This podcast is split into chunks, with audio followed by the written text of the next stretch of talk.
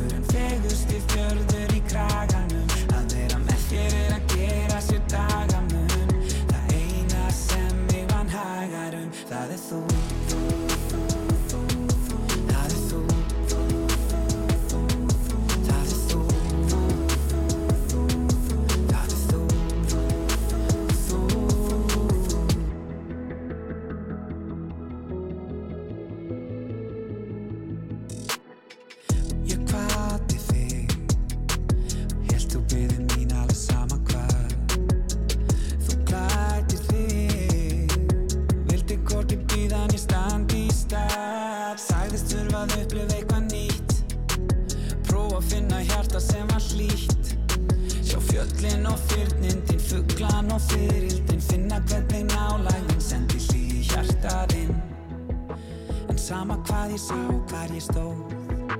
Sama hversu víða ég fór.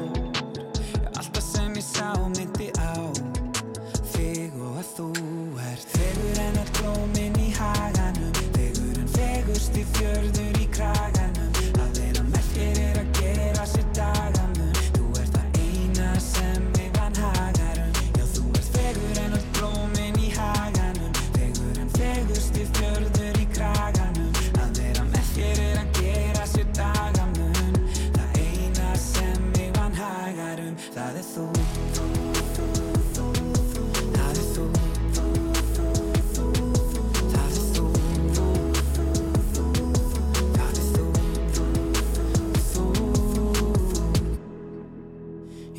það er líklega allt og seint.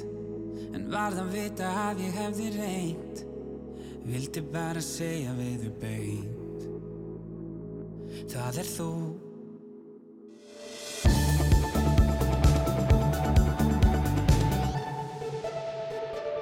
Í tvígang eh, hefur verið mótmælt fyrir utan ríkisútabi hér í efstaleiti vegna þáttöku Ísrael í Eurovision, annars vegar í desembers og nú síðast í síðustu viku.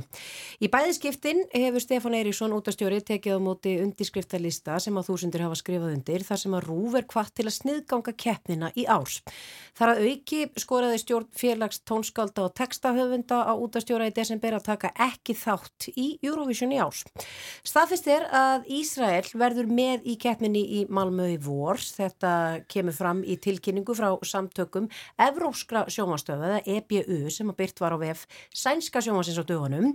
En hver er staðan á málunu núna? Verður söngvakeppni í ár og mun Ísland taka þátt í Eurovision þrátt fyrir að Ísrael sé með í keppninni. Rúna Frey Gíslason, Frankóttastjóri söngvakeppninar og Stefán Eiríksson, útastjóri eru hingakomnir. Velkomnir. Takk fyrir. Takk fyrir. Já, Stefán, ef við bara, já, vindum okkur strax í þessar spurningar. Já, þetta hefur verið eh, nokkuð snúið verkefni að takast á við út af, eh, út af því ákalli sem hefur komið til okkar og, og, eh, og því að við farið yfir. Eh, við erum að reyna að vinna að því að, að eh, tryggja það. Við höldum söngvakeppni hér, það sem að Íslensk tónlist verður í forgrunni og, og hérna listamenn sem að munu e, lifta henni upp. E, þetta hefur verið e, undibúningur okkar fyrir Eurovision og, og við höfum auðvitað gefið þá út að við ætlum að öllu óbreyttu að taka þátt í Eurovision en með þeim fyrirvörum sem við okkur blassa, við vitum auðvitað ekki alveg hvað framtíðin ber í skauti sér eða hvernig málum verður háttað á þessum tíma. Þannig að, en þetta er auðvitað samtal sem við höfum verið að taka við e, vandanlega keppendur í söngvakeppninu hjá okkur því að þeir e, sækja um, senda inn sín lög með það markmiði að reyna að komast að í Eurovision og vera framlega Íslands á þeim vettfangi og þeir hafa sjálfsögðu áhyggjur af stöðumála alveg eins og við. Við höfum komið þeim áhyggjum á framfæri til dæmis til EBU. Ég hef verið í þjættu og miklu samtali við kollega mín á Norðurlöndum um þessi mál og við hér heima vegið og meti stöðuna bara á grundvelli allra, allra þessara upplýsinga og byggt á því þá eru við að e, eins og áður að undibúa söngakefnina sem verður haldinn hér í, hér í februar og, og ætlum síðan bara að vega og meta stöðuna e, að henni lokinni í samvinnu við e, þá keppendur sem að þá standa uppi sem sigurvegarar og leggja ráðin um, um, um framhaldið. Mm. Er sem sagt rúf að taka þessa ákvörðin? Já, já, rúf er auðvitað að taka þessa ákvörðun en við erum, við erum ekki að gera þetta einn, við erum að gera þetta með e, þeim listamönnum sem að e, sendu inn lögu í keppnina og, og, og, og munu flytja þessi lög og e, koma þannig fram e, og það er mikilvægt að, að þó að það sé auðvitað ekki, ekkit augljóst mál að, að skilja þarna á milli. Við viljum halda uppluga innlenda söngvakeppni burt sér frá stöðu heimsmála og, uh, og velja þar framlaga okkar sem verður þá uh, sendt út til Malmu ef að aðstæðu verða með þeim hætti að það sé með öllu óhætt og, og, og allir treysti sér í það, í það verkefni. Mm. Aðeins ára við komum að söngvakeppninni sjálfri Stefán af því að Ég tökur dæmi þessi setni mótmæla eða undirskriftalisti sem var afhendur hérna í mótmælum. Uh, hann var afhendur dægin sem að já, þessi tilkynning kemur frá EBU um að Ísrael verði með í keppninni. Og það eru margir sem setja sama sem merkið þarna á milli að því að uh, rússum var meinu þáttaka. Þú eru reynd að útskýra þetta fyrir mörgum áður mm -hmm. og svo núna að Ísrael fá að vera með þrátt fyrir að það sé stríð. Uh, getur þú bara farið yfir þennan mun? Já, þetta liggur í, í því að, að rússum var meinu þáttaka í Eurovision eftir innrás Rúslands í Ukrænu e, og í framhaldi af því var þeim vikið úr EBU. E, á þessum tíma og í kjálfarið þá voru hertar e, viðskiptaþvinganir af halvu stjórnvalda, til dæmis hér á landi, gagvart, gagvart Rúslandi, sem að leiti til þess að þeir eru ekki bara útilokaði frá þáttöku í Eurovision, þeir eru ekki að fara að keppa á olimpíuleikunum Þeir eru ekki að taka þátt í knaspinumótum eða menningarviðburðum eða öðru. Engar slíkar ákvarðanir hafa verið teknar á alþjóðlugum vettfangi sem snúað Ísrael. E, það er engin samstaða eins og var e, meðal til dæmis Norðurlandastöðvana e, á, síðasta, á síðasta ári, hvað þetta varðar, e, um það að, að mæta stöðunni gagvart Ísrael með, með sama hætti og við heyrum það því að við erum í ágættist tengslum við á Norðurlöndunum og, og við sömu leiðis í tengslum við EBU að þetta virðist ekki vera eh, umræðefni nema hér á Íslandi og í Nóri að einhverju viti. E, það, er, það er ekki verið að beita þrýstingi af þessum toga sem við sjáum hér og ákall sem við sjáum hér, annar staðar heldur enn í heldur enn í Nóri og það segir svolítið e, kannski til um þessa stöðu og þann mun sem að þarna er á. Já. Rúnar, þá snúðum við okkur að söngvakeppninni. Já. Með hvernig hætti, eða hva, með hvað sniði verður þá söngvakeppnin? Breytist eitthvað? Já, sko, já, ég er auðvitað tengdur vel bara starfsfólki söngvakeppninar og keppendum.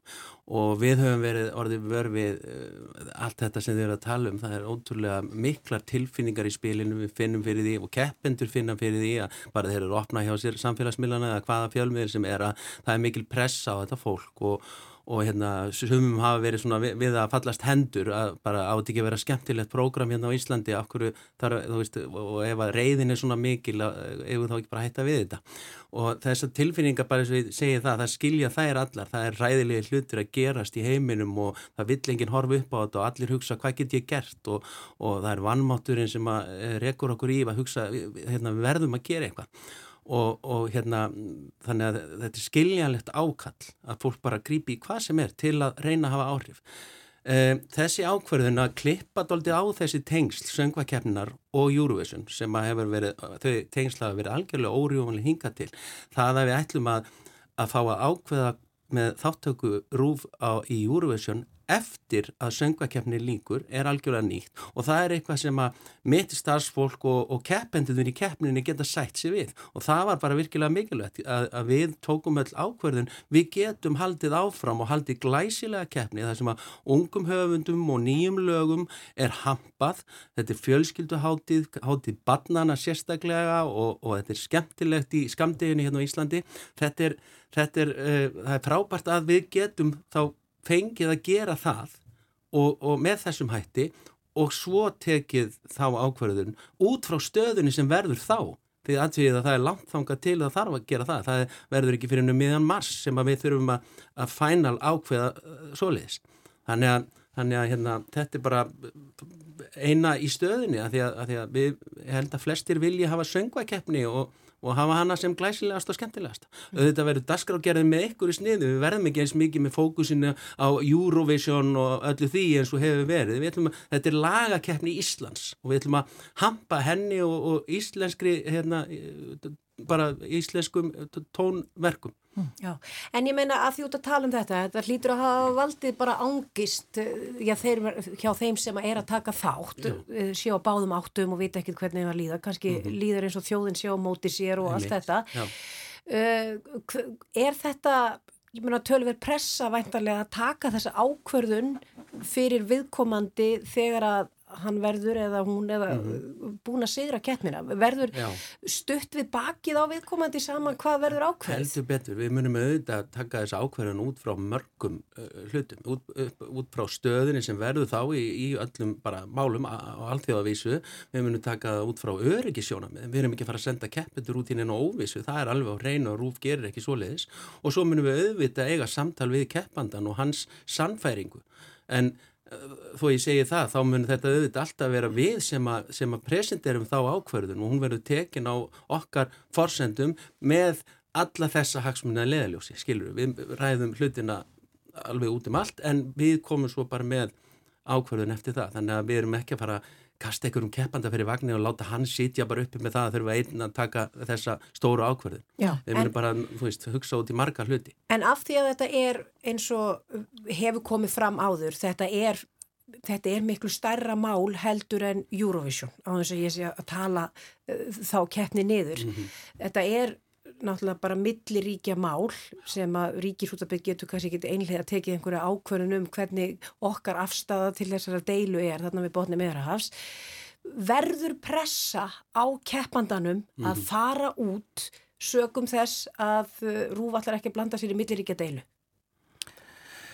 Já, það er bara pressa á öllum e, í tengslum við e, stöðumála eins og, hún, eins og hún er núna en það er bara mikilvægt að hafa það í huga eins og þú nefnir réttilega að það er ekki rúf sem að mótar utaríkispolítiska stefnu hér eða tekur grundvallar ákvarðanir og þaðan að síður einhvers keppanda í söngvakeppninni eða Eurovision að, að gera slíkt. Fólk eh, er ekki að taka þátt í þessari keppni af þeirri ástæðu heldur út af því að það vil koma sínum tónverkum og lögum á framfæri, sjálfu sér á framfæri og og gleyðjast með, með þjóðinni og það er það sem við erum að reyna að ná utanum og ná utanum þennan hóp keppanda sem að ég held að hafi tekist mjög vel hjá Rúnari og hans fólki að, að, að, að gera og tryggja þannig e, okkur e, smá tækifæri og andrimi til þess að vega og meta stöðuna e, eftir því sem að þessu vindur fram. Það eru engin merki um það til dæmis að Ísrael verði vikið úr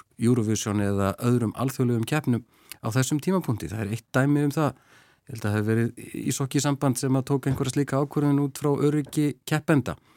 E, hvað verður eftir tvo mánuði?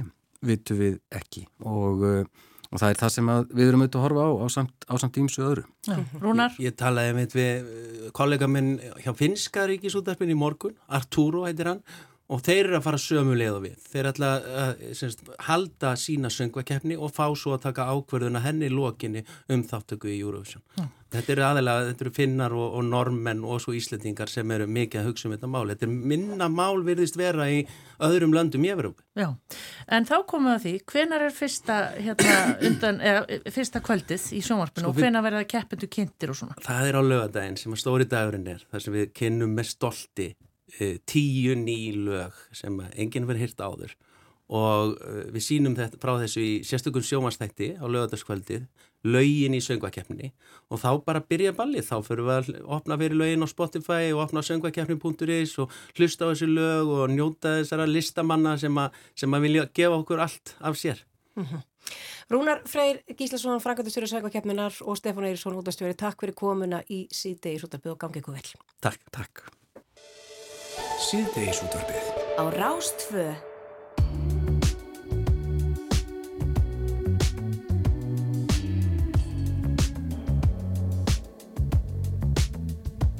Everybody loves you, baby.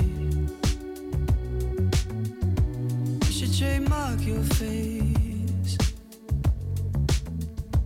Running on the block to be around you But baby, I'm first in place. Face card, no cash, no credit. Yes, God, don't speak, you said it. Look at you, skip the application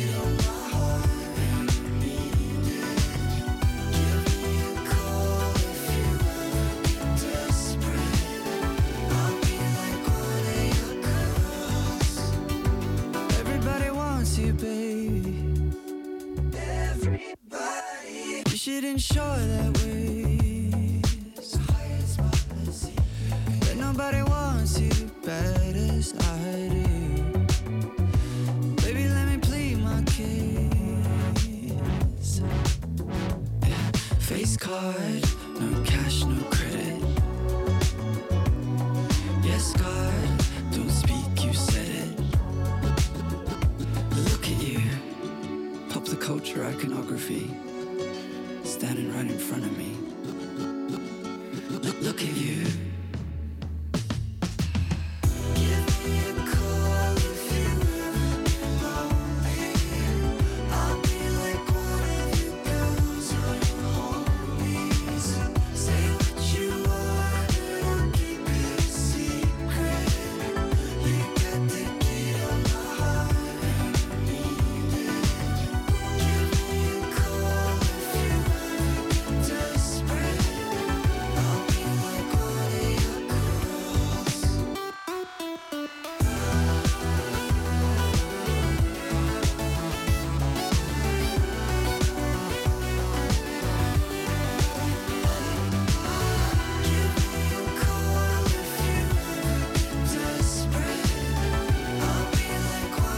Að þessu lagi, þetta er Troy Sivan og lag sem heitir One of You Girls. En uh, Stefan Eriksson og Rúna Freyk Íslasson voru hérna hjá okkur rétt áðan að ræða söngvakeppina og Eurovision og þáttöku Íslands uh, í Eurovision.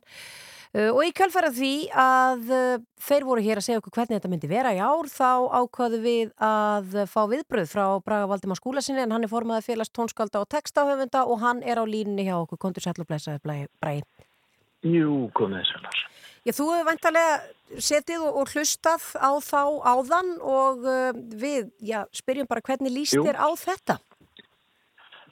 Um, já, mér líst svo sem ég sjálfur sér vel á, á, á þetta. Það er hérna og bara gott, gott mál að halda söngvakettina hérna heima og bara gera hana glæsilega og það er náttúrulega bara vettvangur og og tækifæri fyrir, þá erum við líka aðalega hugsa um þau sem er að, er að keppa. Að hérna uh, það var ástæði fyrir þau sendu lög inn og, og hérna vilja vera með þessu. Að þau fái, fái það tækifæri. Um, uh, og svona eins og ég skil þetta þá hérna þá verður svo keppni haldinn og, og svo verður, verður ákverðin tekin í kjölfarið um hvort við förum út og það, já, ég maður hefur alveg smá ekki ræði bara hvernig, hvernig svo pressa verður og, og hvernig ástandi verður akkurat þá og, og svo framvegis. Þetta er reysa ákverðun að taka um, og einmitt vonað bara rúf taki vel utanum hérna sigurvegaran um, hver sem það verður og hérna og sé þá bara stiði viðkomandi í því uh, já, þannig að einhvern veginn, já, að keppandin eða sigurverðin hérna höfundurinn og já, þetta er náttúrulega bara stór hópur í kringu hvert lag, bara fái, fái stuðning Já.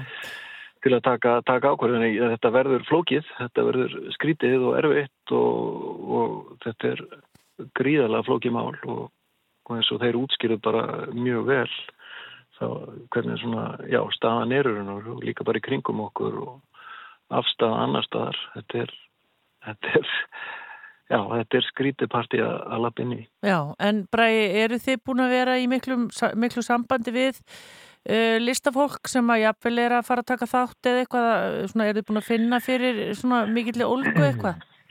Já, kannski bara aðalega óvissu Já. sem svona fólk er bara að velta þessu fyrir sér, þú veist hvað það, hérna eins og segið, það var búið að velja lög þarna í upphæfi desember, það er búið að undirbúa þau og, og gera þau sem bara tilbúin til, til flutnings, þá að kynna þetta núna um helgina, þetta er bara, uh, fólk er náttúrulega bara, leggur allt sitt í þetta, eðlilega, en það er náttúrulega bara óvist með hvernig bara æmitt viðbröðin eru og, og hérna, og þú veist, það eru alls konar sjónamið, þú veist, að hefur að fara út og, og, og vera með eitthvað, eitthvað hérna, einhverja, já, bara einhverja afstöðu með, með því, að sleppa því að fara út og sína afstöðu með því, að uh, bara algjörlega hunsa keppnina, þú veist, hvað hefur að gera, hefur bara mæti eins og flest lönd virðast alltaf að gera, bara mæti eins og ekkert ekkert sé í gangi sem svona allan við já okkar okkar í hópur er svona allan finnst allan að fólk verði að, að hérna geta ekki mætt það eins eins og bara allt sé í góða lei sem það er klárlega ekki. Mm. Núna, en, en ég, ég fagnaði mjög að, að sko söngvakefni verið haldinn og, og bara flott íslensk lagakefni það er bara, en það hefur alveg áhyggjur af bara hvernig úr þessu spilast. Já, en núna eins og, eins og þú segir, þeir eru búin að koma fram og segja hvernig þetta verður, mm Mhm. verður Já. haldinn og uh, lögin kynnt á lögadaginn, það geti jafnvel farið svo að, að það sé einhverju í ykkar félagi sem að eru að taka þátt uh, munið þið Mhm. þurfa að koma saman eða hittast eða ræða saman stjórnin síðan í, í kjölfar þessa og, og bara svona ákveða já, ykkar næstu Já. skref Já, sko, okkar skref er náttúrulega bara, þetta er nú ekki, ekki í okkar höndum, þannig séð, eh, við lýsum bara yfir okkar, okkar afstöðu og, og svona, að hérna, eh, já, raun og veru virðist vera megin þóri okkar félagsmanni hefur ekki list á að, að hérna, að deila sviðið með Ísrael eins og staðin er núna. En uh, það er nú ekki í okkar höndum að gera neitt við bönnum ekki höfundum að, að taka þátt eða, eða fara áfram og, og uh, miklu frekar styðjum bara ákvarðanir þeirra og, og hjálpum þá til við að taka utanum þar ákvarðanir eins og við getum. Um, Já. það, það, það verður raun og veru bara komið ljós hérna, þú veist við erum ekki að fara, fara eh, já, banna einn neinum neitt sko. Nei. Það er ekkit vald sem við höfum sko. En fagniði því að það verði söngvakeppni á Íslandi og, og ný lög og ný tónlist verður til? Það á alltaf að fagna hverju nýju lægi sko, mjög hátt og innilega og hérna, og þetta er bara þessi söngvakefni hérna, bara stór partur af bara, og bara sérlega stór partur hjá Íslendingum og það er kannski líka bara komin ágætist tíma til að við munum að söngvakefninu eitt og Eurovision er annað. En hérna, þetta er þetta samhangandi hérna hjá fólki en ég bara vona þetta séu bara dundur smellir í röðum hana, sem, sem við fáum á, á lögadaginu. Já, það kemur allt saman í ljós. Bræði Valdimar Skúlason, formaður félagstónskölda og textahöfunda. Takk fyrir að vera á línni hjá okkur. Já, minnstamann. Þetta er.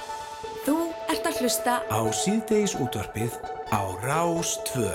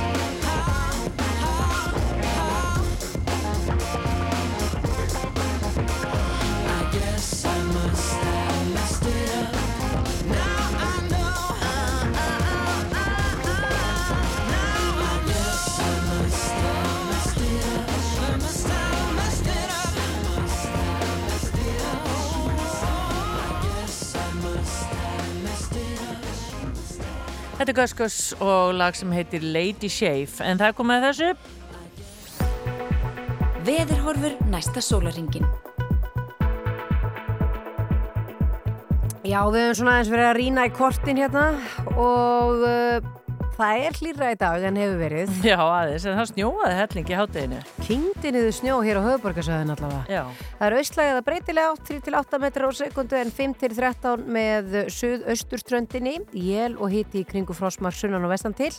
Annars er skíjaða mestu og frost 2-9 stig en snjó kom með köplum austan til á landinu. Og það er suðvestan 8-15 og skúrið að jél á morgun en bjart með köplum norðaustan til og hiti einmitt í kringum frostmark. Sýnist þetta svona, þetta lítur þannig út. Já, og ég var aðeins að kíkja líka rafnildur á færið á vegum af því það var til að mynda það var seinfært uh, hér á höfuborgarsöðin í morgun af því það var bara töluvert að snjó. Já, já. og líka þegar að snjórin það blotnar svona í öllu þá verður þetta bara ansi varasamt og getur verið þegar ég var bara að leiði í vinnuna þá sá ég nú að það hefði greinilega kyrt saman aðeins nuttast utan í rúta og fólksbíl og svona, það er erfið að taka beigir Já, sumadekkin. Já, ég reyna nú ekki með Maður því veit það ekki.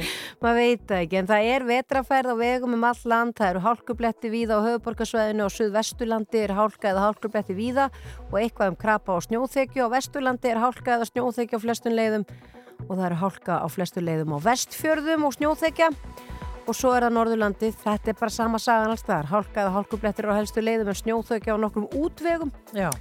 og Norðausturlandi það er hálka og hálkublettir. Og það er ófært á Dettifossvegi, það er nú kannski enga fréttir í ljósið þess að það er ekki verið að móka alltaf reglulega. Og svo er það er hálka á flestum leiðum. Eitthvað um snjóþekju og útvegum og ófært á öksi og breytarseiði. Það. En það er sem sagt, það er, já, það aðeins hlínar aftur og það kemur svona bloti í þetta. Ég var svo heppin að hitta einar veðurfræðing, var að spá í svona næstu daga, hitt hann í mitt í bláfílum um helgina. Að kemur bloti næstu daga, orðaðinir, en ekkit sem heiti gerur svo kólnar aftur og Já. þannig að þetta er svona, við erum að vera að minna okkur á, það er januar. Já, það er skemmtilegt orð bloti. Já. En ég sé líka að það er krapi á Mýrdalsandi. Já, já, já. Það, mjög óþægilega. Það er einhvern veginn, við líður alltaf eins og bílinn fari bara að skauta eitthvað og maður ráð ekki neitt við neitt. En fariði nú varlega þarna úti, við ætlum að hlusta á uh, lag sem heitir Cruel Summer. Það á nú vel við, þegar við erum að tala um mínustölunar hérna. Þetta er Taylor Swift.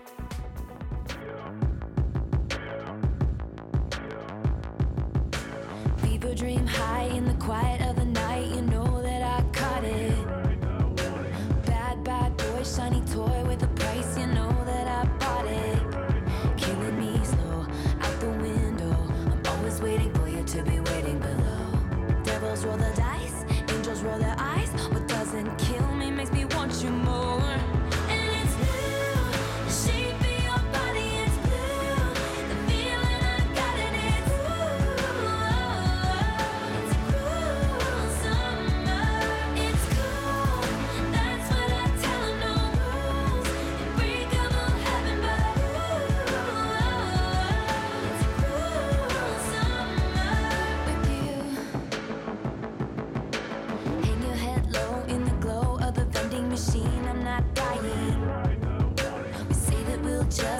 Up in these trying times. We're not trying.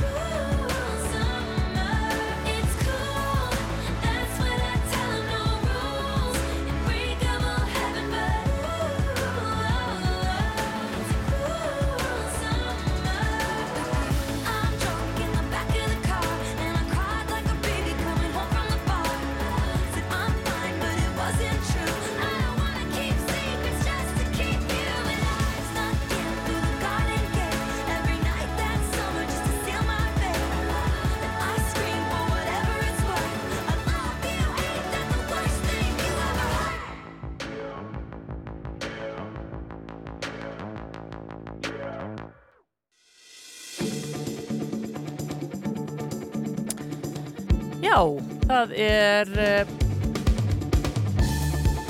Það stýttist í frétti klukka 5 og tilkynningar. Uh, Það er nóg framöndan hérna í síðdeis útarpinu. Við ætlum að fá til okkar eftir smá stund kvítlaugs bændur. Það heita Þórun Ólastóttir og Haraldur Guðjónsson og þau hafa verið að rekta kvítlaug hér á landi og það held ég að sé ekkit mjög algengt og hvað þá að það sé búið að vera lengi að því. Við ætlum líka fá til okkar á eftir Elfur Rakel Jónsdóttur En það er janúar ráðstefna festu sem að fer fram þann 25. janúar næstkomandi í hörpu undir yfirskiptinni. Við skrifum mannkinsöguna og uh, við ætlum að, uh, þarna verða að fjalla um sagt nýsköpun og annað á tímum loftlagsbreytinga. Þannig að við ætlum að heyra hvernig þetta allt saman verður hjá þeim og síðan uh, ætlum við líka að tala við mann sem heitir Hans Guttormur Þormar hérna á eftir. Hann þarf að koma til okkar. Og við ætlum að heyra um djúptækni kjarna sem að er eitthvað rafnendur sem við vitum ekkert alveg hvað er. En fram að, þeim, uh, fram að fréttum og, og tilkynningum uh, er hérna Já, allavega nokkri tónar af bílónum. Já,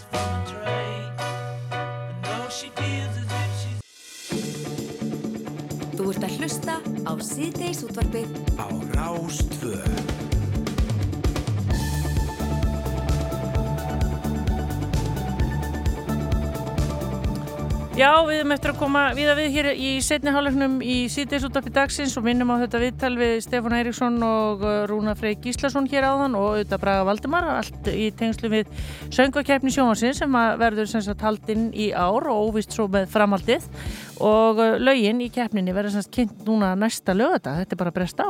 þetta er bara að bresta á það er að byrja þessi, þessi söngvakeppnis tími Já. eins og við þekkjum hann uh, Við ætlum á þessum klukkutíma að tala við Elfur Rakel Jónsdóttur hérna á eftir út á janúar ástöfnu festu en hún er framkvæmdastjóri þar og uh, það er að uh, koma eða byrja þessi rástefna þarna undir yfirskriftinni við skrifum mannkjörsöguna og þá er verið að tala um þau tíma út sem er stöndu frammi fyrir lofslagsmálum og breytingar sem er eiga sér stað bara í starfsemi fyrirtækja þegar kemur að sjálfbarni Já. Meirum það hér á eftir og svo er það hans skutur með Þormar Hrafnildur Já, við ætlum að tala við hann um uh, djúptækni kjarna Já. sem að við veitum ekki alveg hvað er. Nei, mér finnst bara orðið flókið Mjög.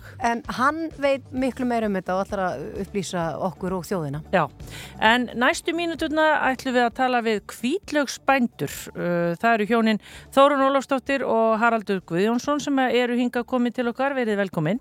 Takk fyrir það Já, við hérna sáum bara í gæri á Facebook að einhver var að hérna tala um þessa afurð ykkar sem að væri svo frábæra að það þyrfti bara vekja á þessu aðtekli og þið semst eru búin að vera aðfenda vörur núna í Reykjavík. Þið eru með sagt, aðstöðu í dölunum þar sem þið rækti kvítlíkin en þið búið í Kópói.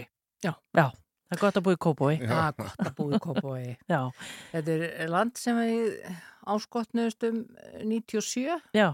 og hérna höfum verið þar svona með ræktun, svona bara fyrir okkur. Það byrjaði þetta sem allar að segja okkur aðeins frá því hvernig, hvernig maður byrjar bara á svona ævintýri. Já, uh, fyrir það fyrsta þá hérna, ég hef alltaf haft áhuga á því að rækta og, og maður var með af og ömmu í kartiblurækt og hann var verið að stingu upp og stingu upp og alltaf verið að stingu upp og þegar maður var að rækta eitthvað. Og ég hef alltaf haft nú gaman af því að rækta kartiblur og eitthvað svona fyrir heimilið. Og svo hérna, ég man ekki alveg nákvæmlega hvaða ár það var, 18, 19, þá er... Uh, er eitthvað um það byrj, þá er kynning hjá Garðirkifjörla Íslands nýri í síðumóla og á kvítlöksræktun. Og ég fór þanga eins og margt fleira fólk og þetta fannst mér svo áhugavert að væri hægt að rækta kvítlög hérna heima því ég var eiginlega hægt að borða kvítlög, mér fannst þann ekki góður sem að, maður var að vesla hérna. Þannig að hérna ég bara hóst handa á mínu plotti hérna fyrir vestan og, og var að rækta fyrir okkur þar til svona, hvernig var ekki, 2021 sem að Já. virkilega tókst svona svaka vel. Já. Já, Ég meina, maður tengi kvítlög einmitt og ræktum kvítlög bara við Kína eða eitthvað Já, svoleiðis. akkurat. Það er ekkit er mál. að, uh, frá Spáni líka mikið vestlað inn Já. og uh, ég hef séð nokkra löka frá Fraklandi og Argentínu en mest er kvítlökur frá Kína. Það tala eitthvað upp, sín, uppræðan sín frá Kákósusfjöllum. Já, já. Fyrsti kvítlökurinn Kassastan eitthvað stað þar. Já, en bara sko svo við byrjum, eða þú veist, fyrir okkur hinn, þú veist, maður, maður, þú veist, þetta er í huga að byrja eða ykkur að rektan og hvað, ger, hvað gerður þú þá? Sta, Sko. Því að þú sumir á satt, maður stingi bara Já, og já. það er ekki þannig, eða hvað? Jú, maður eiginlega bara byrjar á því að setja rif niður en, en hérna uh, hann, hann er svolítið kresin kvítlökurinn, hann þarf hann vill góða frjóa jörð Já. Honum er illa við að vera í vatni eða mikillri bleitu og hann þólir ekki samkeppni við aðrar jurtir arfa Nei. eða þannig. Í hann, hann vill bara fá að vera í friði. Og svo er hann hann er svolítið þeir kalla þetta svona heavy feeder. Það þarf að gefa honum mikinn ábyrð yfir svona mánuði áður en að hann er tekin upp. Og það maður að vera svolítið aktífur að gefa hann svona viku, já, tíu daga fresti eitthvað svo leis Gefa honum hvað? Uh, Já, bara, við, við erum náttúrulega, erum í lífræni ræktin Já, alveg. alveg. Og við erum ekki að nota neinn kemisk efni, þannig að það sem við erum verið að gefa, erum að gefa sem sagt e, þorra, þorra, nei, hérna, þaramjöl, þaramjöl, þaramjöl Já. og, og, og síldarmjöl og, og svona og, og, og, og svona Skít. skít og, svona glæðir sem er framleitt á reikólum og, bara allt sem getur náð í sem, sem, sem lífur hann náburð. Já. Já. En ég meina, en fyrsta kvítlöksrifið sem þau stungu niður til þess að úr þessu ég, sem byrjaði þetta æði Já, það var líka bara að benda á hana því að þetta byrjaði sko, því hún kemur hún kemur þarna inn í bústað sem er ógleiminat fyrir mig sko, því að hún er alltaf til verið með græna putta. Já. og byggum minna langólsi og hún var alltaf verið semst í er, en ég er ekki með svona græna putta. Nei. Nei. svo stekkur hún bara inn í bústað ég er held ég bara að horfa á sjónvarpið eitthvað og heldur á svona svakala flottum hvítlaug og sérðu hvað ég er með? Og, og ég mun ekki gleyma því síðan sko, síðan er ég bara alveg dolfallinn sko. En hún fór svo uh, í, í byrjun ást 2022 þá ferðu þetta eh, af Já, þá, eh, þá hérna, ég held að bara fyrstu dagan í janúar þá er ég eitthvað að hlusta á, á bylgjuna, var eitthvað rás í gangi. Já, segðu. en það var viðtal við konu á vegum Háskóla Íslands. Mér minnir hún sæjun eða það eru mentorar, Já. hérna nokkra konur sem eru hérna í samstarfi eða í samstarfi og sendir á bandaríkjana, heitir AFI. Uh, hvað heitir þetta? á- er skipt- Women Ant- viðskiptahraðall Entrepreneur, fyrir konur. viðskiptahraðall fyrir konur. Og, og hún var einmitt að hvetja konur ef þið eru með eitthvað hugmyndir komið þið fram og sækið um því þetta er svo gulli tækifæri fyrir svona bara að spretta upp eitthvað hugmynd sem þú gengir lengi með. Og einhvern veginn þá bara stekkur þessu hugmyndin nú er það mitt nú sæki um. Já. bara ekkert með það. Og bara ég get þetta alveg og, og hérna, nei, hvað heldur að þú getur stofna fyrirtæki, það er alveg galið. Og maður svona er að tala sér niður, en svo kemur maður aftur, heyrðu, víst get ég gert þetta. Og rætti við bóndan og, og hérna uh, og börnin okkar sem er nú öll háskóla gengin að hjálpa kellu að semja umsókn um að rækta kvítlaug og hérna það bara og ég sendi inn og svo emitt sko ef maður sækir ekki um þá veist ekki nei. Nei, nei. Ef þú kaupir ekki miða í happadrætti þá vinnur aldrei. Þeir fiska sem róa. Akkurat. Já. Þannig að ég var bara rosalega heimilifand og þakklátt að þetta var eina 38 hugmyndum af næstu 150 sem að var valinn í þetta, þennan hraðal og bara svo er ekkert aftur snúið og mann er kjent að byggja upp fyrirtæki hvað maður má gera og hvað ekki og þetta var meiri háttar og ég bara hvet alla konur að, að, eða hafa ykkur að hugmynd að hafa kjarkin í að halda áfram. Já. En ég meina eins og með kvítlaug, uh, hann er frekar ódýr þessi útlenski sem maður er að Já, kaupa. já. Uh, verður maður ríkur á að rækta kvítlaug? Ég veit það ekki, það er bara að koma í ljós. En ég meina, fólk hlutur að vera til í að borga aðeins meira, er það ekki Já, fyrir veistu, íslenska? það er alveg tvent ólíkt, bræðmunur á sem þú ræktar heima hjá það er fullt af fólki sem hefur rækta kvítlöku í mörg ár Já. og, og þessi áhugi eh, hjá, eh, þessi kynning hjá, sem að ég fór á hjá Garðirkifélaginu hérna voru hjónin Jóhann Róbersson Læknir og konan hans Kristín sem að svona kveika í mörgum að, taka að skrifa og prófa að rækta Já. Og þetta var bara geggjað Já. En hvernig, ég menna, nú er þið, eins og ég segi, búsett hér á höfuborgarsvæðinu, eru svo með þennan, þetta landan í dölunum. Já. Hvað, ég menna, eru þið, hvernig Já, þess? sko, þetta var bara uppalega sem bara átt að vera svona ákvæmál, sko. Já. Og það var upplegið alltaf tíma að, að, að því að hún hefur með mikið áhuga þessu og kveikti svolítið mér að þetta er bara ákvæmál svona, í- svona þegar maður hægt að vinna.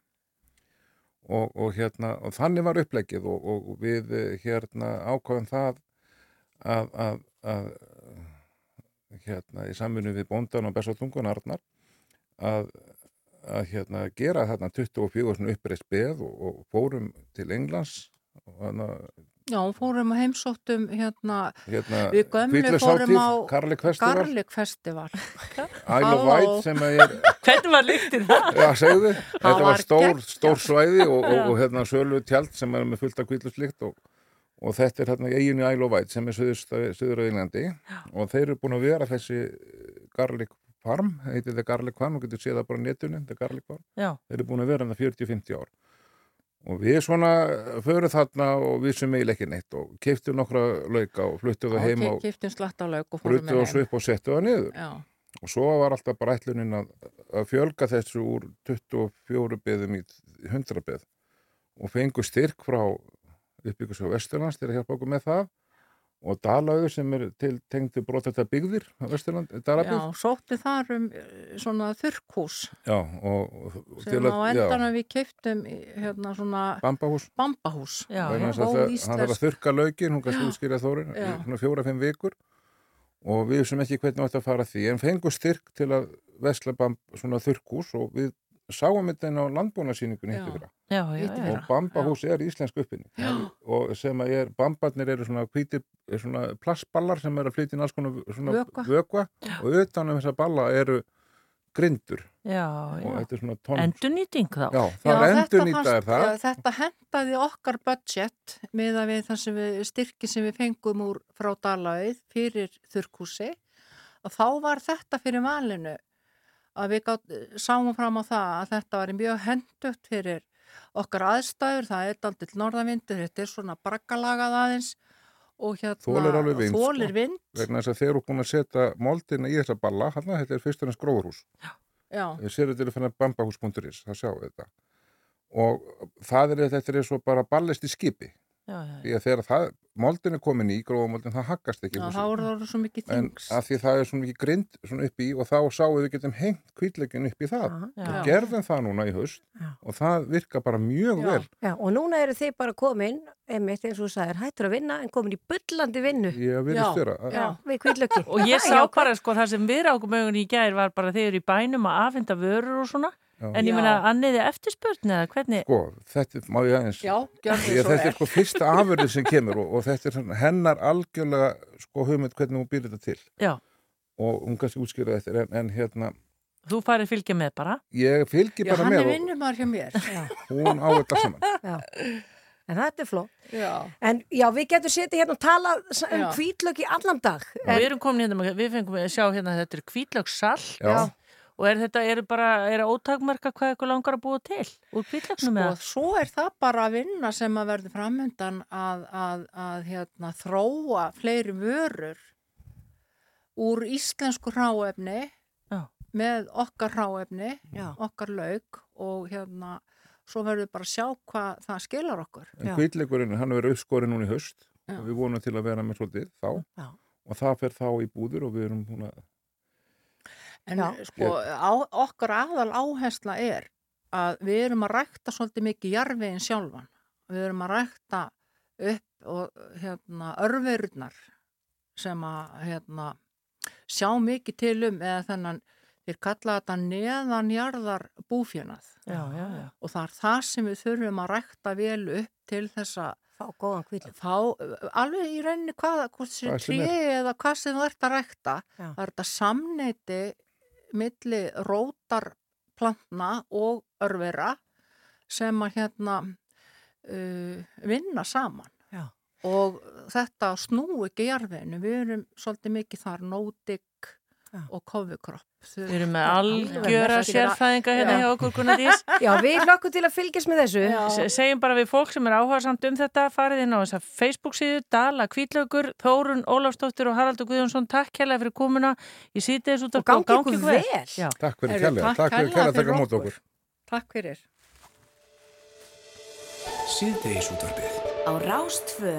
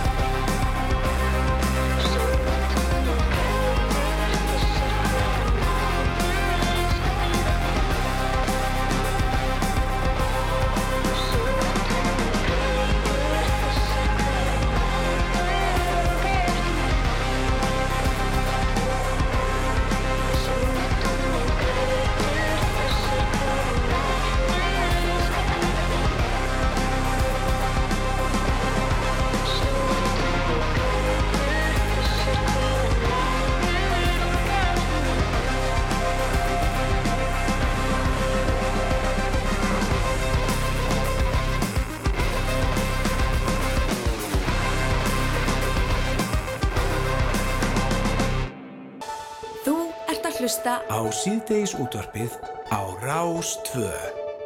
Já, við vöðum úr einur í annað. Eftir að hafa að tala hér um kvítlaug þá ætlum við núna að fara að tala um janúar ástefnu festu sem að fer fram þann 25. janúar næstkomandi í hörpu og yfirskriftin er nefnilega þóldi flott. Við skrifum mannkinsöguna og þarna er verið að vísa í þau tímamót sem að við stöndum frammi fyrir í lofslagsmálum og það er breytingar sem er að eiga sér stað í starfsemi fyrirtækja þegar að kemur af sjálfbærni. Og uh, hingað er hún komin, Elva Rakel Jónsdóttir, hún er festu til þess að segja okkur ölliti betur frá þessu og hugsunna á bakvið rástefnuna, kontu sæl og blessuð. Byttu, Bíddu, má núna? kveikja hérna. Já, já, já. Svona, Já, kemur þetta. þarna kemur þetta, já, blessaður og sælar, gaman að hitta Já, báðar. takk fyrir að koma. Ég segi þú okkur aðeins, þetta, þetta er flott fyrirsögn eða yfirskrift, við skrifum mm. mannkinsöguna. Mm Þau þetta ekki bara hóvart og svona hófstilt allt saman? Já, en er þetta ekki það sem við erum alltaf að gera? Jú, er skref fyrir skref. Þetta er bara akkurat það og þetta er líka það sem við þurfum að gera. Við erum að þessu, hvort sem við sko gerum að meðvitað ekki og við þurfum að gera þetta miklu meira meðvitað. Við þurfum að átt okkur á því að við erum í rauninni bara með pennan í höndunum að skrifa mannkjönsugun á hverjum degi. Mhm. Og það sem að gerist 2023 þegar um, hlínun í arðar fór í fyrsta skipti yfir tvær gráður frá fyrir innbyltingu og við sáum allar þessar sko öfgar sem að rauninni fóru fram úr sko þeim spám sem við höfum verið að sjá frá IPCC um bara storma og, og flóð og þurka og allar þessar öfgar viðferð sem við höfum að sjá að þetta er bara orðin mannkinsa þetta er bara orðið staðrænt Já. og nú er bara spurningin hvernig ætlum við að láta næsta kapla í þessari sögubók okkar eiginlega líta út Já, en er þetta þannig orðið sko að þau að tala um sjálfbærni og ég er að starfa hérna hjá þessu fyrirtæki og mitt svið er það að við erum að vinna í að hérna, auka sjálfbærni og, og allt þetta. Vi, vita allir hvað, um hvað er talað? Er þetta orðið þannig að þetta er orðið svona hugtak sem við þekkjum, sjálfbærni? Ég held að sé bara allur gangur á því vegna þess að fólk kannski sem er bara þú veist, er bara í vinni bara í fjármáladeildinni eða mannusteildinni eða eitthvað bara með fullt á sinni könnu það kannski veldur þessu fyrir sér þegar þetta kemur hann að borð til þeirra að einhverju leiti. Ég held að vitund fólks í samfélaginu almennt er að aukast mjög mikið um bara hvað þýðir sjálfbarni en svo held ég svona í praxis, þú veist, þú farið að vinna með þetta konkrétt, þetta kemur hann að borð til þín og það er svolítið það sem er að gerast núna í fyrirtækjarekstri. Þetta er að verða meira svona mainstream og meira eitthvað sem að fyrirtæki þurfa að vinna með dagstælega. Bæði er verið að skrifa þetta inn í Evrópuregluverkið, þannig að fyrirtæki þurfa einfallega bara að vera með okkur skýslugjöf og, og hérna, setja stað okkur verkefni og mæla og, hérna, og svo framvegis. En svo líka sjá fyrirtæki sko fullt af tækifærum í sjálfbarni vekkferðinni. Ég veit með þess að þú veist, þarna er allur vöxtur, þarna er allur nýsköpunin, hún er þarna. Menn er að reyna að koma upp ringrás í framlýsluferlum, menn er að reyna að uh, styrki hjá sér virðiskeiðuna að þú ert komið með svona óstöðuleika í nattarankerfi þá bara um leið verður virðiskeiðan því mjög órug. Þannig að menn er að styrkja hana og hérna nýta betur. Það er allir reyna að draga úr losun með einhverjum ein, öðrum að hætti og svo bara spurningin hversu hrætt mannum gengur í þessari vekkferð. Já. En það sem er kannski svolítið öðruvís við þessar ástefnu og þemað hennar er að við erum að horfa svolítið á sko allar stóðir, þrjár stóðir sjálfbarni. Því sjálfbarni er sko umhverjusmál en líka félagsli mál og líka stjórnunarhættir. Sjálfbarni er þetta allt. Mm. Og ef við ætlum bara að fókusera bara á umhverfstáttin og segjum bara okkur, við ætlum bara að fókusera á dragulósun og við ætlum bara að fókusera á að venda vistkerfin og ekkit annað að þá er svo hæpið að við náum nægilega hröðum árangri. Þetta snýst allt svo mikið um tímalínur, við erum bara í kappi við tíman. En við verðum að undirbyggja félagslega sjálfbarni samlega því og það er svolítið það sem við erum að leggja áherslu á, á þessar ráðstöfnu og við svolítið leggjum þetta upp þannig að þetta er svolítið eins og ef maður þekki bara rekstur, ef maður hefur eitthvað tíma styrt teimi eða sviði eða fyrirtæki á stofnun, að þá veit maður að ef þú vilt koma verkefni vel og hratt í gegn og, og það verður vandað, þá verður að passa upp á mannauðum þinn samhliða. Skilur, þú verður bara að passa upp á bara aðbúnað og öryggi og, og bara jafnbretti og allt þetta. Og þetta er bara nákvæmlega sama og horfir á þetta á, á bara skala mannkynns. Þú verður að passa upp á öryggi, jafnbretti, mannréttindi, alla þessa þætti til þess að samfélag manna séu bara til í að leggja sitt að mörgum í þessi stóru umhverfsverkefni sem við stöndum fram með fyrir. Já, ok, þú talaði um félagslega sálbærni og þú er búin að útskýra aðeins hvað það er, en, en það þriðja, getur þú aðeins útskýrt það fyrir okkur? Það er rauninni svona stjórnunarhættirnir, þú veist, það snýst um bara bæði hvernig kerfin okkar eru uppsett uh, í samfélaginu en líka bara hvernig fyrirtæki stýra, mæla, fylgjast með þessi markmið. Þetta er svolítið svona kannski gæðavinkillin á þessu ef maður einfaldar þetta aðeins. Það er bara að segja að við verðum að horfa á hvernig við, sko, hvernig við draugum úr áhrif umhverfið, við þurfum að styrkja félagslega sjálfbærðana en á sama tíma þurfum við bara að breyta struktúrnum svolítið Já. í kerfunum okkar. Og þetta, sko, og þessi ráðstefna sem að verður hérna 2005, Mhm. hún mun byggja svolítið á samtali. Já, sko, við erum ótrúlega metnaðagjörn og við erum búin að tróða 20 manns upp á sviðið og rúmlega þryggja klukkutíma rástefnu. Þetta er aldrei galið, sko, en okkur langaði að fá eins breiðan hóp eins og við mögulega getum. Þannig að við erum að fá svakalega mörg erindi til okkar upp á svið, bara stutt og mörg og fjölbreytt til þess að ná yfir þessa, þú veist, þessa breytt. Þetta er tölver breytt í því sem Mhm. við erum að reyna að tala um. Um, en við erum líka með svolítið svona nýjung sem er þetta samtal sem þú vísi. Við kallum þetta trúnó, hvað fyrst þetta pínu sniðut sko, -huh. að það fáum við svona tvö pör, eða sérst pör upp á svið, þannig að við komum tvö og tvö upp, svið, upp á svið og eiga bara smá svona spjall um bara hvað ætlum við, hvað finnst okkur mikilvægast að gera 2024, bara þessu ári, til þess að flýta vekkferð okkar í átt að sjálfbarni. Og er þetta fólk sem er að standa sér vel í þessu, sem er að, þá að segja frá sinni reynslu eða deila henni?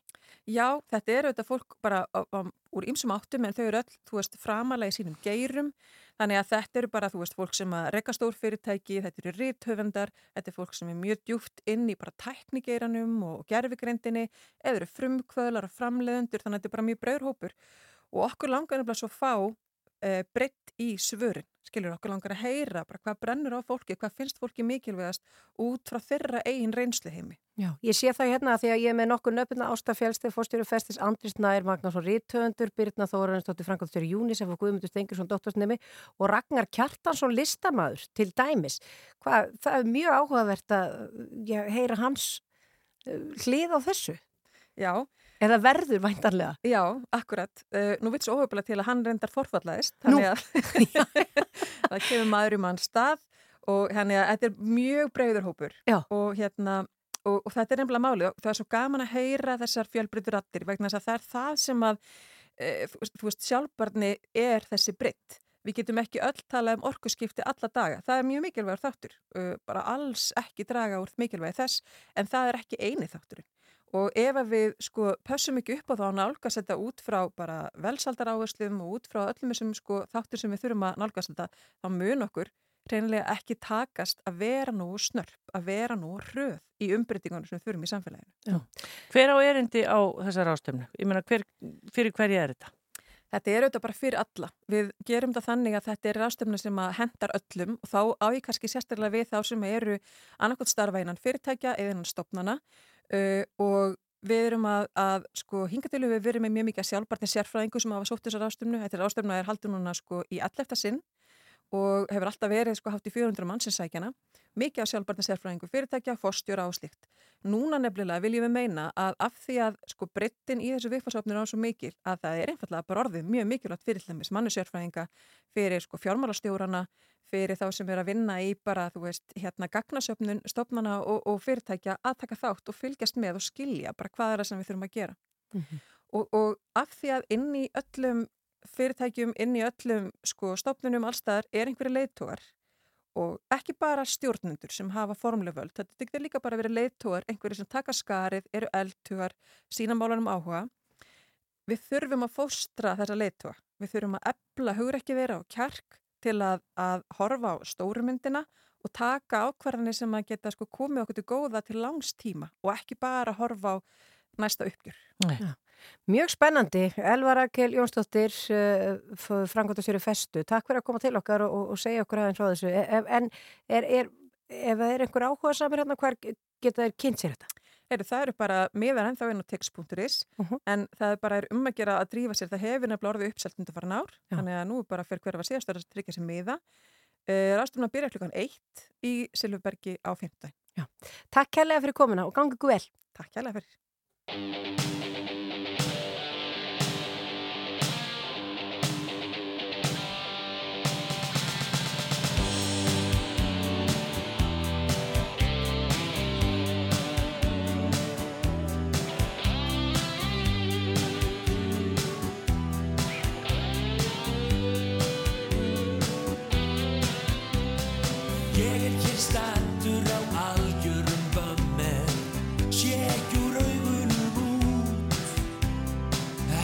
Út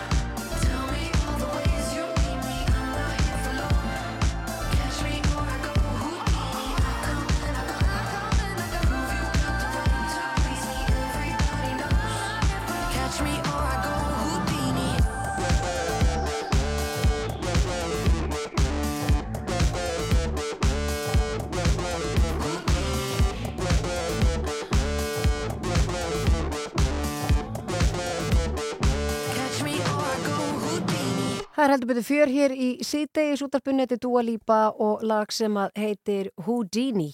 En næst, já.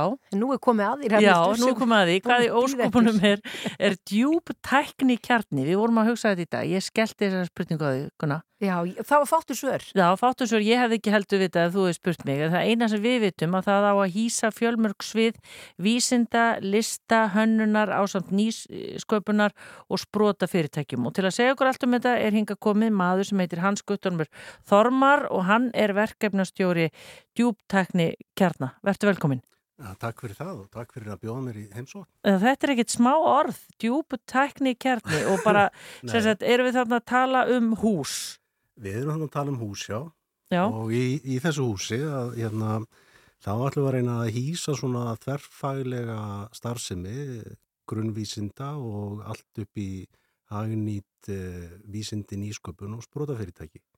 Og kannski svo ég fara aðeins yfir hvaða svona djúptækni er í, í grófum dráttum að þá er þetta svið allt frá eðlisfræði og verkfræði, líftækni, læknisfræði, allt út í listir og hönnun og, og félagsvísind og hugvísindi sem við erum að reyna að draga saman í svona þverfaglega vinnu sem að gefur, gefið hefur af sér svona mm, það sem við höfum hort til útlanda mjög aðtiklisverðar og áhugaverðar og verðmætar hugmyndir. Já, en hefur svona hús ekki verið til á Íslandi?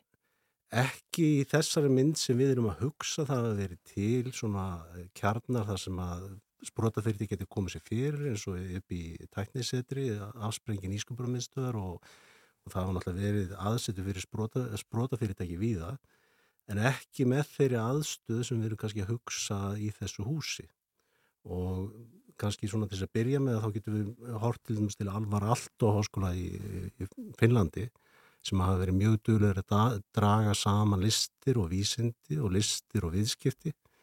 Og þar spretta upp mjög áhugaverðar hugmyndir og, og sem dæmum það því vorum, því vorum að tala um sjálfbærni og loftlagsbreytingar og svona áðan að þá er uppgötaði alvar alltaf háskóli 2022 að það væri að búa til trefjar úr trjám og búa til fött og hérna það er þeir eru sem komnir geta framleitt núna fött úr trefjum úr trjám Já. og þetta sprettur úr þessu þverfaglega samstarfi sem það er. Það sem við erum að hugsa um að, að sko, er raunverulega kannski ekki endilega bara steinsteipa eða hús eða tækjabúnaður. Við erum að hugsa um að draga saman fólkið sem að hefur þessa djúpu þekkingu, eh, grunnvísinda fólkið, sem er alla daga dósendar, lektor og prófessóra með sínum doktorsnemum og mestaranemum og postdoktoralnemum að vinna einhverju rannsóknum. Við viljum draga þá inn í þetta hús því að þar liggur gríðarlega mikið þekking og það er svona þessi verðmæti sem við höfum í þekkingu liggja mjög mikið þar og þar liggur líka, liggur líka þekkingin á hvernig tækjabúnaður er notaður. Þessi dýri tækjabúnaður sem jafnvel kostar í sumum tilfellum fleiri hundru miljónir. Að hérna, við erum að draga þetta fólk inn, inn á eitt stað ásamt þá stærri fyrirtækin sem er að þróa einhverja vörur í, í hérna, einhver frum eintöka vöru eða þá sprota fyrirtæki sem er að spretta upp úr þessum sviðum Mm. og svona búa til þetta flæði fólks sem að, hérna, og búa til svona þekkingar, virkilegt þekkingar samfélag.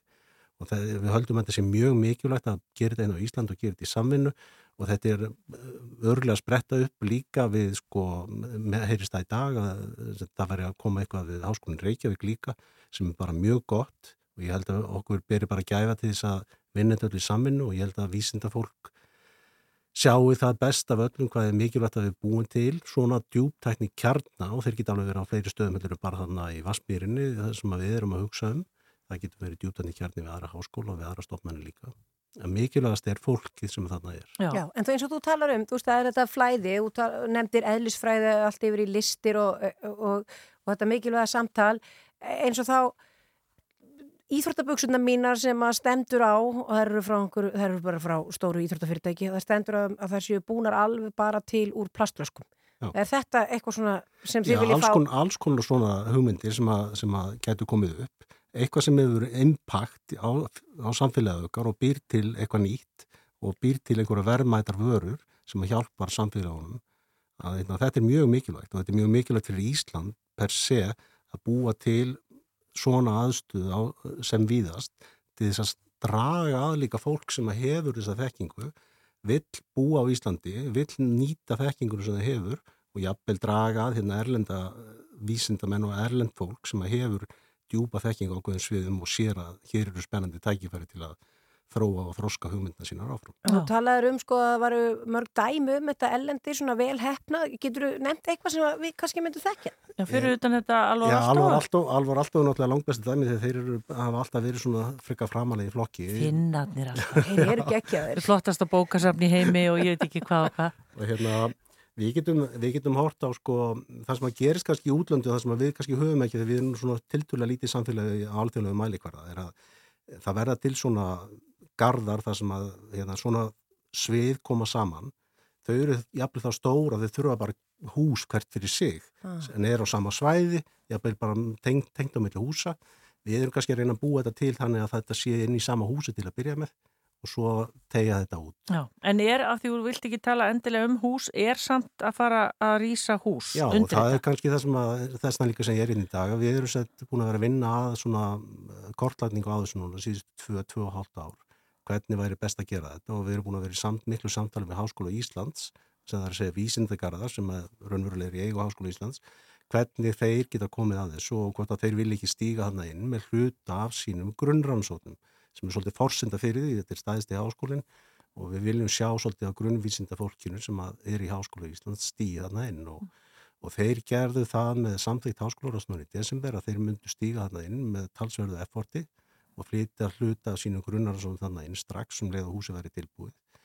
Og það gefur okkur svona tækifæri til að fara á stað með undirbúa byggingu hús í Vassmýrinni við hliðina á söður enda grósku sem er þarna í Vassmýrinni og, hérna, og skipulegja þar hús fyrir svona starfsemi. Já. Já, og þetta er nú ekkit smá flott staðsetning, svona því þarna er, eins og þú segir, það er mikið, þetta er söðu pottur af hugmyndum og, og Já, vísindum. og þarna hefur sett sprottið upp í grósku, hefur sprottið upp uh, setur sem að kalla mýrin sem að vísindegarar hafa haldið utan sem er svona fyrir þessa frumsprota sem er kannski 1, 2, 3, 4 einstaklingar svo flytja þau svo upp í gróður húsið á annari hæðinni grósku þar sem, að, sem gróska sjálfur rekur og þannig stækka þar fyrirtæki að þroskast og, og, og síðan vaksa þau að dafna að vera 20-30 manna fyrirtæki og þá þurfa þau að fara. Við hefum, hefum ekki að vilja eiga hús fyrir þau líka til að í ytri aðriðum á, á vísindagörun til að vera áfram þess að halda þekkingun á svæðinu. Þegar ég segi það enn og aftur að það sem skiptir okkur mestu máli sem samfélag til framtíðar það er að það er þekking, þekking og meiri þekking Já. og þannig, þannig vöksum við að döfnum best. Og þetta er í háttegin á morgun, nei á Þetta er í háttegin á 50 daginn klokkan 12 og bara allir velkomnir að allir velkomnir að, að kynna sér þetta mál og, og hérna, koma aðdusendir og, og skoðanir. Þetta er, hérna, þetta er opið ferli sem við erum að fara í. Við erum að fara að skoða hver, hvaða hagaðilega vilja vera þarna, hvaða stærri fyrirtæki geta hugsað sér að koma þarna inn með aðstöði skemmri eða lengri tíma, hvaða háskóla vilja koma að þessu og þeirri starf sem þið þarna er, því að það er ekki lóku fyrir það skotið að allir háskólinni getur komið að komið þarna að til skemmri eða lengri tíma með sínar grunnrannsóknir og, og einhverja sko profesor og doktorsnefn og þess að þar e, og Háskóli Íslands er líka TS í, í aðrar áttir og þetta stiði þá líka við uppbyggingu þessa sama e, í, á landsbyðinni.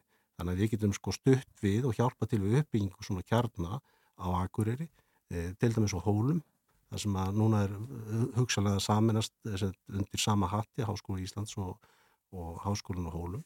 Og í staði fyrir að vera að draga rannsóknar utan að landi til Reykjavíkur, þá getum við hjálpa þeim að byggja upp þar sem þau eru góði, virkilega góði og hafa þekking á þar sem þau eru. Já, þannig erum við komið með þetta, djúptækjarni, Við allt um þetta. Spurðu mig aftur og eftir. Já, og meiri þekking. Já. Þetta er sérst í háttegin á morgun, klukkan Nei, 12 fimmtudag. á fimmtudaginn, okkur erum við svona fastar í morgundaginn. Ég veit það ekki. Háttegin á Það er fimmtudag. leikur á morgun. Það er ekkert að vera með neitt annað þá. Það er rétt, hátteginu á fimmtudag í grósku klukkan 12 og Já. allir velkomnir, Já, bara og, og Áslegu Arna, hún hérna, sem allar að koma að opna þetta og hún hefur hérna, verið með hérna, stutt okkur frá í langa tíma og þetta kom fram í hennar þingsáleiktun og tilögu sem hafa samþitt fyrir jól. Þannig að hérna, þetta er eh, mjög gott og, og skemmtilegt verkefni sem er að fara í gang. Já, bara um að gera að kíkja á þetta. Hans Guttormur Þormar, takk kærlega fyrir komuna. Já, bara takk fyrir aftur.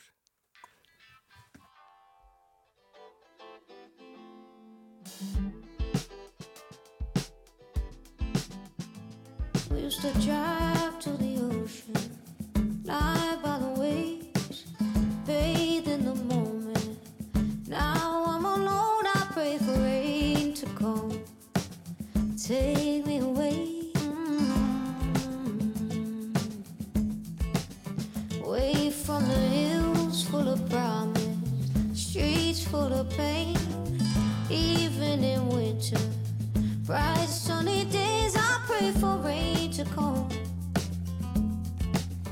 Oh, but it never does.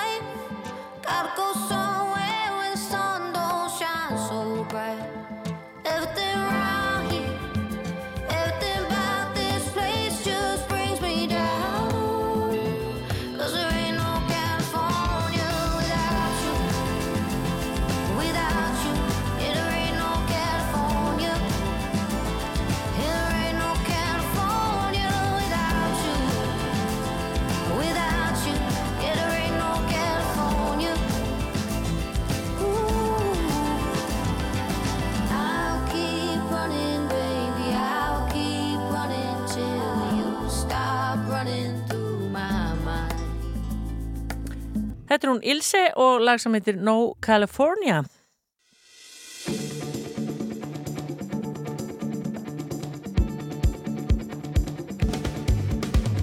Hrafnildur, ég þreytist ekki á að segja það og ekki þú heldur en það er ekkert okkur óviðkomandi og það er ímyndilegt búið að ganga á hérna í þessum þætti allavega í dag Við erum búin að tala um samning sem að Íslensk ætleðing var að gera við barna á mentamálaráðuneytið uh, og svo erum við búin að tala um djúptekni kjarna og við, erum, við veitum allt um það hvernig það er rægt að kvítlög núna. Alveg, ég ætla að stinga bara fyrsta laufinni bara leið og að kemur vor. Já, já, ég held að... Það mun ekki hefnast en ég mun gera það. Ja, það kemur í ljós og svo erum við búin að vera að kynna okkur sjálfbærni fyrirtækja út af bara, við stöndum fram fyrir, já, bara miklum breytingum í, í lofslagsmálum og svona og við þurfum einhvern veginn að skrifa mannkynsöguna. Já, og svo voru stórtíðindi þeir komið til okkar Rúnar Freyr Gíslason sem er frangatustjóri söngakefninar og Stefán Eiríksson útastjóri og þar bara einhvern veginn uh, var það skýrt með hvaða hætti uh, fyrirkomulagi verður í ár. Það er semst söngvakeppni á Íslandi og hún byrjar á lögadæn, þá eru lögin kynnt og keppendur og uh, svo verður bara að sé til með framaldið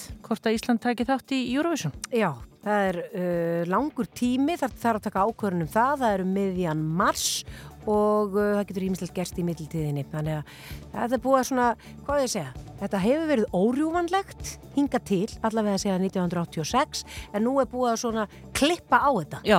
Og við uh, sjáum bara til, en allavega það verður söngvakeppni og við fáum tíu nýju fersk, tíu ný fersk lög sem að mun náttúrulega bara auðga Íslands tónlistarlíf. Já, og svo fengum við viðbráð frá Braga Valdimar Skúlasinni sem að er uh, formaður uh, tónskólda, félags tónskólda og textahunda og hann svona, mér heyrðist nú á honum að hann svona úr því sem komið verða, þetta væri bara goða fréttir.